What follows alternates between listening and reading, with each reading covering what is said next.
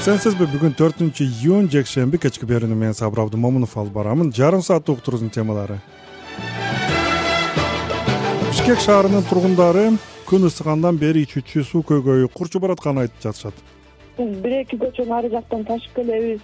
Э, кечинде уктабай же толтурабыз ушундай болуп жашап атабыз азырынчачы аябай күн ысыкта да кыйналып украинанын днепропетровский облусунда ракетадан кыйраган үйдөн эки жашар наристенин сөөгү табылды. На жаль тилекке каршы бүгүн киевдиктер баш калкалоочу жайлар жетишсиз экени тууралуу маалымат таратууда. Шаардагы мындай көңүл коштукту актоого эч кандай шылтоо жок. Депутатка иш козгош үчүн парламенттин макулдугу зарыл эмес деген маселе депутаттын кол тийбестигине байланышкан талашты жаратты. Кылмыш ар кайсы убакытта болот күн болобу түн болобу тез арада далилдер чогултуш керек. Сунуш берип анан аяктан кайра жоолуп келчек кылмыштуулуктун ийгиктери дагы жоголуп кетиши мүмкүн да ошондой эле алдыда бишкекте сейил бакта өткөн поэзия кечеси тууралуу да баяндап беребиз. Азаттык менен калыңыз азыр болсо кыргызстандагы жана дүйнөдөгү акыркы жаңылыктарды кубат оторбаевден угуп саламатсыздарбы? Орусиянын үчүнчү июндагы ракета жана дрон соккусунан украинанын днепр шаарына жакын подгорная шаарында эки жаштагы наристенин өмүрү кыйылды. Украинанын расмий өкүлдөрүнүн билдирүүсү боюнча ошол эле маалда душмандын аба соккуларынын жаңы толкунун токтотууга мүмкүн болду. Аба соккусунан жыйырма эки адам жаракат алган анын бешөө балдар. Днепропетровский облустук аскердик администрациясынын башчысы сергей лысактын жазганына караганда кол салуудан көп кабаттуу эки турак үй он үй дүкөн жана газ түтүгү жабыркаган. Орусия акыркы жумаларда абадан соккуларын күчөттү анткени украина аскерлери орусия басып киргенден бери алдырган аймактарды кайтарып алуу үчүн контр чабуулду жакында баштайт деген божомол бар. Украинанын президенти владимир зеленский үчүнчү июнда акшнын wall street журнал басылмасына интервью берип анын аскерлери контр чабуулга даяр экендигин ачыктаган. Ал днепрге абадан сокку урганы үчүн орусияны айыптады. Төртүнчү июнда орусия кайрадан украинага абадан чабуул жасады улуу британиянын тышкы иштер министринин орун басары лео докерти борбор азиядагы сапарынын алкагында кыргызстанга расмий сапары менен келди. Бул тууралуу британ элчилигинен билдиришти. Бул улуу британиянын тышкы иштер министрлигинин жогорку даражадагы кызматкеринин эки миң он алтынчы жылдан берки биринчи жолку сапары. Максат ансыз деле бекем болгон эки тараптуу мамилелерге жаңы дем берүү ошондой эле өз ара кызыкчылык жаатында кызматташууну кеңейтүү деп айтылат. Элчилик тараткан билдирүүдө бишкектен кийин э, лео докерти казакстанга өзбекстанга бармакчы.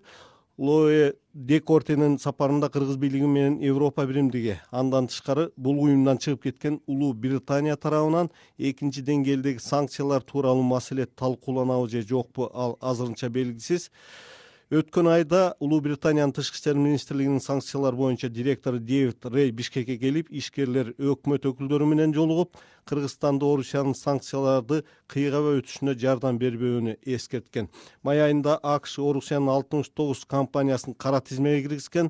Алардан тышкары армениянын бир кыргызстандын бир компаниясы санкцияга илинген болчу кыргызстандагы эң ири алтын казуучу кумтөр компаниясы быйыл биринчи кварталда өсүш көргөзүп эки бүтүн ондон төрт тонна алтын сатты. Компания жалпысынан сексен миң беш жүз он бир унций же эки жарым миң килограмм алтын өндүргөн. Былтыр кумтөр бул маалда алтымыш алты миң төрт жүз жетимиш төрт унций же эки бүтүн ондон бир тонна алтын казган. Салыштырмалуу өсүш жыйырма бир бүтүн ондон бир пайызды түздү. Ошентип быйыл үч айда кумтөр компаниясы жетимиш жети миң беш жүз кырк жети унций же эки миң төрт жүз он эки килограмм алтын сатты. Бул былтыр э, бул маалда бир миң тогуз жүз алтымыш эки килограмм алтын сатылган. Алтын сатуудан алгачкы кварталда компания бир жүз кырк алты бүтүн ондон жети миллион доллар тапкан кумтөр кыргызстандагы эң ири алтын кени болуп эсептелет. Канадалык сентера компаниясы менен бирге башкарып келген кенди кыргыз республикасынын бийлиги жыйырма биринчи жылдын май айында өзүнө өткөрүп алган орусиядагы вагнер аскердик жеке компаниянын башчысы евгений пригожин менен чеченстандын башчысы рамзан кадыровдун айланасындагы адамдардын жаңжалы президент владимир путиндин жетекчилиги менен өткөн коопсуздук кеңешинде талкууланды.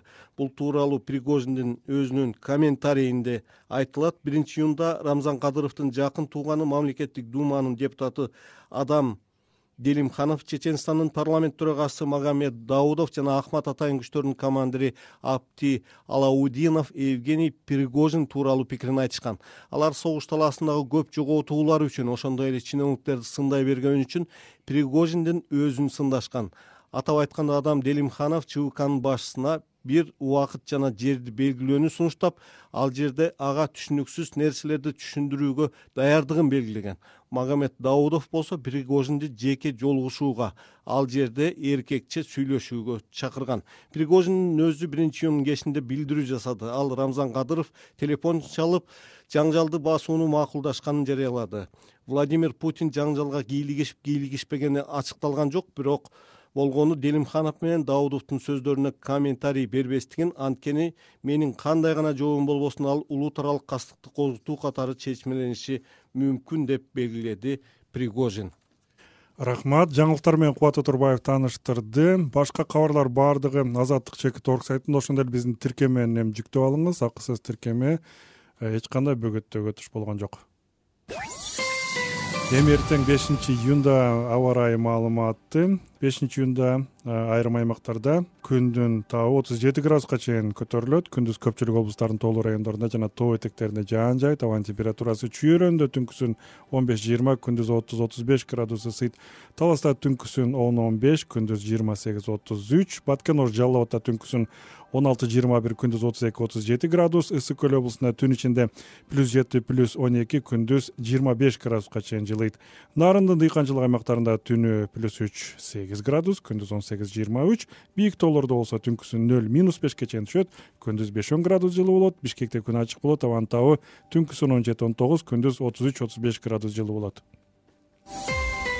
эми баяндарга өтөбүз. Бишкек шаарынын тургундары күн ысыгандан бери ичүүчү суу көйгөйү курчуп баратканын айтып жатышат. Өзгөчө арча бешик ак ордо ак жар өңдүү жан конуштарын жашоочулардан нааразылык көп айтылууда шаар бийлиги тургундардын суу пайдалануусу ысырапкерчилик менен коштолоорун жана климаттык каатчылыкта өз таасирин көрсөтүп жатканын билдирүүдө. Урбанисттер коомчулугу шаар өскөн сайын анын ресурсун көбөйтүү боюнча ырааттуу иштер жасалышы зарыл экенин белгилешет. Кененирээк кабарчыбыз кубат айбашев аянтайт күн сайын ичүүчү суунун тартычтыгы тууралуу ар кайсы конуштардын тургундары пикирлерин жазууда. Ак жар конушунун тургуну жыргалбүбү кадыралиева жай келип күн ысыгандан бери шаардагы ичүүчү суунун тартычтыгы ашкере кыйнап жатканын айтууда. Ак жарда общий кырк үч көчө бар да. Кырк үч көчөнүн деген эмесине ылдый жактарына баш жактарында суулар жакшы эле чыгып атат да аяк жактарына суу жетпей калып атат. Бул элдер огороддон эле тыштап салган үчүн бизге суу жетпей калып атат үч миңден өткөн түтүндөн бир бир жарым миңине суу келатса бир жарымына келбей калып атат суу жетпей калып атат да. Кечинде саат он эки бирлерде чыгып атат да эртең мененки саат алтыга чейин эле. Күн ысыгандан бери ушундайдан болуп атат жыл сайын эле жайында ушундай болуп турат бирок мунусундай эрте башталды да аябай. Бир эки көчөнү ары жактан ташып келебиз. Э, кечинде уктабай же толтурабыз ушундай болуп жашап атабыз азырынчачы аябай күн ысыкта да кыйналып машинка арстон бүт суруп коюлган. Жайында ушундай болуп калат бүт суруп коебуз чтобы күйүп кетпеш үчүнчү мэрияга деген кат жазган болчубуз жооп жок. Э, водоканалга жаздык. Менде даже смстер дагы бар жооп жок соңку учурларда чет жакадагы жаңы конуштар эле эмес шаар ичиндеги көп кабаттуу үйлөрдүн тургундары да суу үзгүлтүккө учурап чаңкап жатышканын билдирип жатышат. Шаар бийлиги менен бишкек суу канал ишканасы көйгөйдү чечүү үчүн иш аракеттерди жасап жатканын билдирүүдө. Бишкек шаарынын мэринин орун басары жыргалбек шамыралиев суу көйгөйүнүн бир нече объективдүү жана субъективдүү себептерин атады. Мунун баардыгы эмнеден келип чыгып атат бул биздин э, климаттык маселеден да бар анткени азыр күн кечкисин суугураак болуп мөңгүлөр эриши азыраак болуп жана жер алдындагы суулардын э, деңгээли түшүп кеткен. Мисалы айтып кетсем кээ бир артезиандык скважиналар буга чейин элүү сегиз метрден суу биз алсак алар болсо жетимиш сегиз сексен метрге чейин түшүп кеткени байкалып атат да жыйырма метр. Жыйырма метр бул өзүңүз билесиз жети этаж үйдөгү суунун деңгээли ылдый түшүп кеткен. Анткени дарыяларда суу жок подпитывающий водоемдордо суусу жоктуруп калгандан да келип чыккан иш. Водозаборлор суу бергени көлөмү колдонуучу көлөмдөн аз болуп атат да.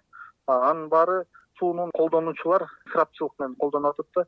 Жана шланг менен сыртып субаргандан кээ бир жерде ошентип сугарып атышат кээ бир жерге суу жетпей калып атат мисалы арча бешик конусунда да убагында ашар жолу менен көп түтүктөр салынып калган кээ бирөөлөрүнүн мындай иретсиз салынганы да көп байкалууда да биздечи кээ бир жерде жүздүк труба менен кеткен кээ бир жерде эки жүздүк труба менен кеткен андан кийин э, ошол трубалардан суу колдонгондо ошондой чоң көлөмдө суу кеткендиктен давление түшүп кетип кээ бир жерде суунун тарсыздыгы байкалууда да көчө көчө болупчу орто алыш сууканасы лев толстой көчөсүнүн өйдө жагындагы аймакты же шаардын кырк пайыз калкын суу менен камсыздайт. Калктын саны өскөн сайын анын да жүгү оорлоп суу жеткирүү кыйындап барат. Вице мэрдин айтымында шаар бийлиги калкты ичүүчү суу менен камсыздоо боюнча эки багытта иш алып барууда. Биринчиси орто алыш сууканасындагы абоненттердин бир бөлүгүн түштүк батыш сууканасына которуу иштери жүрүүдө. Ал эми экинчи багытта башкара суу сууканасынын жанынан кошумча жер тилкесин алып жаңы скважиналар курулат. Ал скважиналар арча бешик ак ордо өңдүү жаңы конуштарга суу берет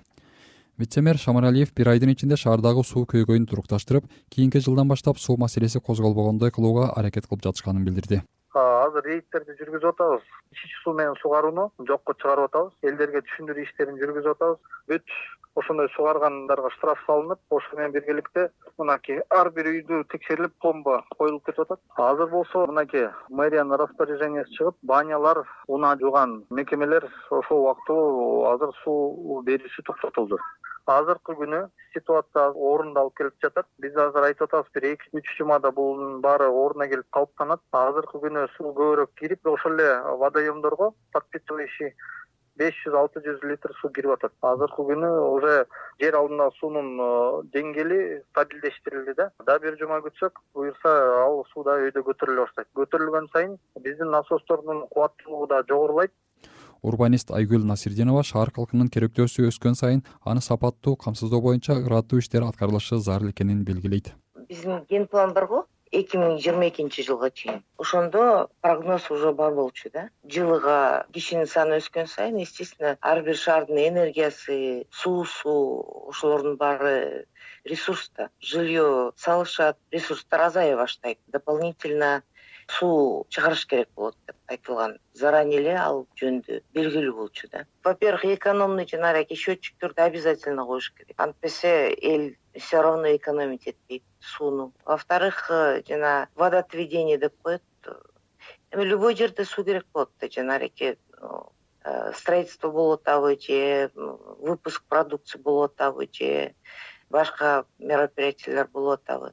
Затрат на воду илгертен эле бар болчу да. Вот схема развития водного комплекса деп өзүнчө схема жасалган. Канализационный коллекторлор водозаборлор биринчи экономия от этого никуда не денешься. Суу көп болбойт.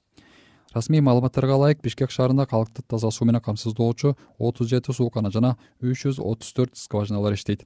Бекитилген норма боюнча ар бир киши суткасына жүз жетимиш литр суу колдонушу керек болсо учурда ал төрт жүз он литрге жетүүдө же эки жарым эсеге жакын өскөн. Кубатбек айбашев азаттык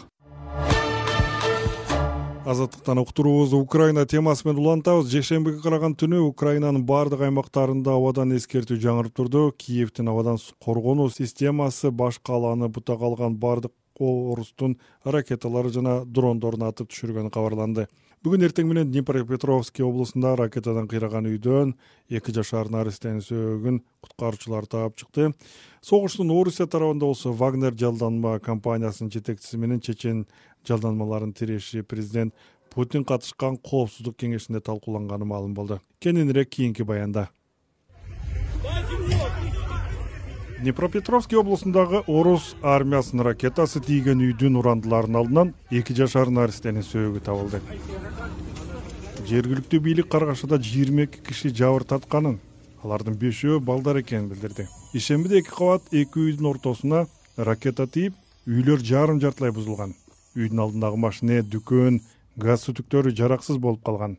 Облустун администрациясынын башчысы сергей лысак аймак түнкүсүн чабуулга кабылганын да билдирип украина аскерлери эки канаттуу ракетаны дронду атып түшүргөнүн маалымдады. Украинанын президенти владимир зеленский социалдык медиага койгон видеодо куткаруучулар кыйрап түтөп жаткан имаратка кирип чыгып жүргөнү көрүнөт. Азаттык радиосу согуш маалында маалыматты башка булактардан да бышыктай албай турганын эскертебиз жекшембиде орусиянын чабуулу уланды киевдин абадан коргонуу системасы баш калааны бутага алган баардык ракеталарды жана дрондорду атып түшүргөнүн киев шаардык аскердик администрациясынын башчысы сергей попко билдирди. Президент зеленский өлкөнүн баардык шаарларындагы бомбадан баш калкалоочу жайларды текшерүүгө буйрук берди. На жаль и сегодня после усего тилекке каршы бүгүн киевдиктер баш калкалоочу жайлар жетишсиз экени тууралуу маалымат таратууда. Баш калкалоочу жайлар жабык экени гана эмес алардын эшиктери чапталып турганы же шаардын айрым бөлүктөрүндө такыр эле андай жайлардын жоктугу айтылууда. Шаардагы мындай көңүл коштукту актоого эч кандай шылтоо жок. Дейт владимир зеленский бейшембидеги орус армиясынын чабуулунда жашынганга жай издеп жүрүп тогуз жаштагы кыз энеси менен ракетанын сыныгы тийип набат болгон. Каргашадан кийин полиция төрт кишини кармады. Алардын үчөө тагылган милдетти так аткарбаганы үчүн жоопко тартылышы мүмкүн. Баш калаада өспүрүм кызын ээрчиткен аялдын баш калка издеп жүрүп мерт болгону элдин нааразычылыгын жаратты. Зеленский киевдин мэри виталий кличкого катуу чара көрүлөт деп убада берди. Шаар башчы өзү дагы жоопкерчиликти сезерин айтты. Согуштун орусия тарабында болсо вагнер менчик аскердик компаниясынын башчысы евгений пригожин менен чеченстандын лидери рамзан кадыровго жакын кишилердин тиреши президент владимир путиндин жетекчилиги менен өткөн коопсуздук кеңешинде талкууланды. Бул тууралуу пригожиндин комментарийине маалым болду. Кремлдин сайтындагы стенограммага ылайык путин ал жыйында орусия федерациясындагы ички кырдаалды олку солку кылууга багытталышы мүмкүн болгон улуттар аралык мамилелерди талкуулоону сунуштаган. Украинадагы согушта орус күчтөрүнүн авангардына айланган пригожин кремлдеги топтор вагнерчилер менен чечен жоочулардын ортосунда от жагып жатат деп атады. В настоящий момент конфликт улажен. Азыр жаңжал жайгарылды. мен ошол эле күнү рамзан менен сүйлөштүм. Ал телефон чалып ушунчада демди басалы деп макулдаштык. Маселенин төркүнү кайда экенин эмнеден көрөм? Ооба ар кандай бир топ эле чагымчыл сөздөр болду. Алар менин баркыма шек келтирип токсонунчу жылдардагыдай келсең эркекче сүйлөшөбүз деген риторикага алып барып такагысы келгени түшүнүктүү. И вывести на риторику девяностых. Биринчи июнда рамазан кадыровдун жакын тууганы мамлекеттик думанын депутаты адам делимханов чеченстандын парламент төрагасы магомед даудов жана ахмат атайын күчтөрүнүн командири апти алаудинов согуш талаасындагы көп жоготуулар үчүн ошондой эле чиновниктерге асыла бергени үчүн пригожиндин өзүн сындашкан. Делимханов менен даудов чвкнын башчысына жигитче көзмө көз сүйлөшүүгө чакырган. Ошол эле күнү вагнердин кол башчысы дмитрий уткин билдирүү жасап эркектер менен эркекче сүйлөшүүгө даяр экенин айтты. Бир жыл мурун орусия украинага согуш ачып басып киргенден соң киевди көздөй кадыровчулар бет алганын чеченстандын лидери рамзан кадыров өзү жар салган. Анда ал чечен аскерлери орусиянын куралдуу күчтөрүнүн курамында украинанын аймагына чабуулга катышаарын бышыктайт. Ал өз каналында украинанын аймактарында согушкан жоочуларынын видеолорун жарыялап баарыбыз ыктыярчыбыз деп айтып келген сиз угуп жаткан азаттык радиосу бүгүнкү алып баруучу мен сабыр абдымомунов эми жаңылыктардын кыскача тизмеги орусиянын үчүнчү июндагы ракета жана дрон соккусунан украинанын днепр шаарына жакын подгорное шаарында эки жаштагы наристенин өмүрү кыйылды.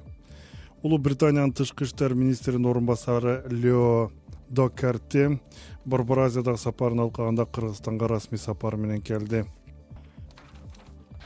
кыргызстандагы эң ири алтын казуучу кумтөр компаниясы быйыл биринчи кварталда өсүш көргөзүп эки бүтүн ондон төрт тонна алтын сатты. Орусиядагы вагнер аскердик жеке компаниянын башчысы евгений пригожин менен чеченстандын башчысы рамзан кадыровдун айланасындагы адамдардын жаңжалы президент владимир путиндин жетекчилиги менен өткөн коопсуздук кеңешинде талкууланды бүгүн төртүнчү июнда ысык көлдүн жээгиндеги чок тал айылында улуттук коопсуздук мамлекеттик комитетинин чек ара кызматынын жаңы пансионаты ачылды. Ага президент садыр жапаров укмкнын төрагасы ташиев жана чек ара кызматынын жетекчиси шаршеев да катышты. Ушул жана башка жаңылыктар азаттык чекит орг сайтында.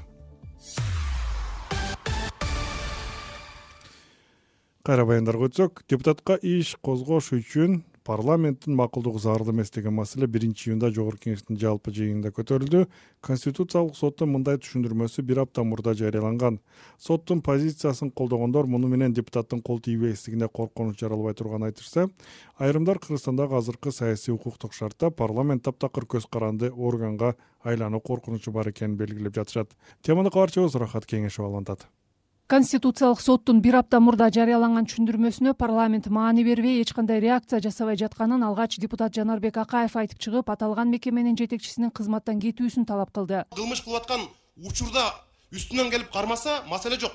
Баш мыйзамда жазылган анда кылмыш жоопкердигине тартылат. Дыйканчылыктан башка дагы бир нерсе сүйлөйбүзбү? Кандай кылабыз? Биз система баш мыйзам бул адам үчүн иштебеш керек. Буга чейин дагы көп бийлик алмашкан кайра кайра алмашат. Бирок баш мыйзам калыш керек да. Ошону адамга тууралап иштетпешибиз керек да акаевди депутат сүйүн өмүрзаков дагы колдоп баш мыйзамды сыйлабагандык болуп жатканын айтты. Ал конституциялык соттун төрагасын парламентке чакырып түшүндүрмө алууну сунуш кылды. Сөз конституциялык соттун жогорку кеңештин регламентиндеги депутатка кылмыш ишин козгош үчүн парламенттин макулдугу керек деген мазмундагы норманы баш мыйзамга каршы келет деп тапкан түшүндүрмөсүндө болуп жатат. Ал тууралуу маалымат мекеменин сайтына жыйырма бешинчи майда жарыяланган. Депутатка иш козгоо үчүн башкы прокурор сөзсүз түрдө жогорку кеңештин көпчүлүк добушу менен алардын макулдугун алышы керек деген норма мыйзамдуулугун аныктап берүү өтүнүчү менен конституциялык сотко адвокат төлөндү самаков кайрылган. Кылмыш ар кайсы убакта болот күн болобу түн болобу тез арада далилдер чогултуш керек. Сунуш берип анан аяктан кайра жооп келчек кылмыштуулуктун ийгиктери дагы жоголуп кетиши мүмкүн да. Жетимиш сегизинчи статьяда конституцияда и так эле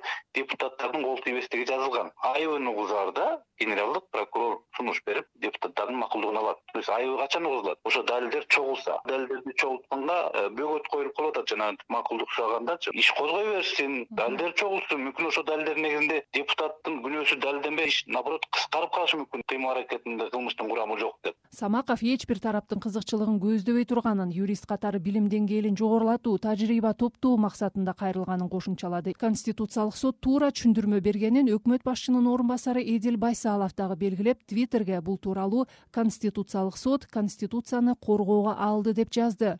Бул окуя парламенттеги бүтүн кыргызстан фракциясынын лидери оппозиционер саясатчы адахан мадумаровду жоопко тартуу демилгеси көтөрүлүп жаткан учурга туш келип отурат отуз биринчи майда парламент жыйынында төрага нурланбек шакеев депутат адахан мадумаровду жоопко тартуу боюнча башкы прокурордон сунуш түшкөнүн билдирип буга байланыштуу депутаттык комиссия түзүлдү. прокуратура берген сунушта мадумаровду кылмышка даярдык көрүү жапырт башаламандык бийликти күч менен басып алуу бийликтен аша чабуу деген айыптар боюнча жоопко тартуу үчүн уруксат суралган. Мадумаров аны жоопко тартуу аракетин толугу менен саясий иш деп баалап ар кандай кырдаалга даяр экенин билдирген. Юрист таттыбүбү эргешбаева конституциялык соттун түшүндүрмөсү мыйзамдуу болгонун айтууда. Себеби анын белгилешинче азыркы конституцияда иш козгоо үчүн депутаттардын макулдугу керек деген норма жок. Макулдук иш козгоо үчүн эмес айып коюу үчүн зарыл экенин. Башкы прокуратура кылмыш ишин ачууга укуктуу экенин айткан адис бирок ал үчүн объективдүү далилдер талап кылынарын. Ошол эле принциптен алып караганда мадумаровдун маселесинде дагы кынтыксыз далилдер келтирилиши зарылдыгын кошумчалады. Эң башында депутатка карата э, сапаттуу далилдөөлөр болуш керек. Толугу менен каралган концептуалдуу айыптоочу далилдер көрсөтүлүп бериш керек. Эгерде андай болбосо анда экинчи жолу депутат мадумаровго ачылып аткан кылмыш ишине карата анда ошо прокуратуранын адистери жоопко тартылыш керек. Ал арада ансыз да эркин эмес парламенттин жогорку бийликтен таптакыр көз каранды институтка айланышы ыктымал деген дагы кооптонуусун айткандар болууда. Рахат кеңешова азаттык маданий тема менен эфирди улантайын экинчи июнда борбордогу ынтымак эки паркында роза отунбаеванын демилгеси фондунун колдоосу менен поэзия кечеси өттү. Анда үч акындын алтынбек исмаилов улукбек омекеев жана нуркыз рыскул кызынын чыгармалары окулуп обондуу ырлары жаңырды. Маданий саамалык тууралуу максат жангазиев кеп кылат балдар кандай бактылуу байкасаңар биз суктанган дүйнөгө кол сунбаган роза отунбаеванын демилгеси эл аралык коомдук фонду уюштурган буга чейинки кечелер улуттук филармонияда опера балетте драм театрларда өтүп келсе бул ирет саамалык ачык асман алдында өттү. Ага катышкан акындар алтынбек исмаилов нургуз рыскул кызы жана улукбек омокеев атайын бир тематикага байланбай өздөрү каалаган темада ырларды окуду мен бир он чакты ырымды окудум. Э, башкача айтканда балдар темасынан баштап граждандык лирика кыргызстан деген ыр менен бүтүрдүм. Арасында пейзаждык лирика махабат лирикасы философиялык лирика дегендей ошол үч акын кезек менен бири бирибизди улап ыр окуп аттык төрт айлампа кылдык анан жакшы жери э, алып баруучусуз эркин форматта бири бирибизге суроо берип сүйлөшүп э, ырларды окуп дегендей дейт ыр кечеге катышуучулардын бири алтынбек исмайылов аңгыча апа апалап уулдарым ыйлап жарышат бир жагын жыйнап бүткөнчө бир жагын чачып салышат. Этектеп бутка чалынып эркелет мени мени деп урушуп жатып таарынып укташат анан мемиреп. Ал эми акын нургыз рыскул кызы эксперименталдык поэзия кечеси шаар тургундары жана коноктору үчүн кызык болгонун кеп кылды. Э, кече башталганда эл кадимкидей топтолуп э, аягына чейин отуруп ыр угушуп анан э, көрүүчүлөрдүн көбүн байкадык жарымы жетпей отурушту ыр окуп бергиле депчи анан мындай жакшы нерсе көп созулбаш керек деп эле токсон мүнөттүк менен жыйынтыктадык. Бирок ошондо дагы окурмандар келишип угармандар көрүүчүлөр басып келишип мурда кийин поэзияны угуп көрө элек болчумун ушундай жакшы болот турбайбы деп келип биздин өзүбүзгө келип куттуктоо айтып кеткен угармандар болду көрүүчүлөр. Бул аябай бизди кубандырды. Таппадым. Мээримиңди жеңалчуну тең келбес бүткүл жердин кен алтыны.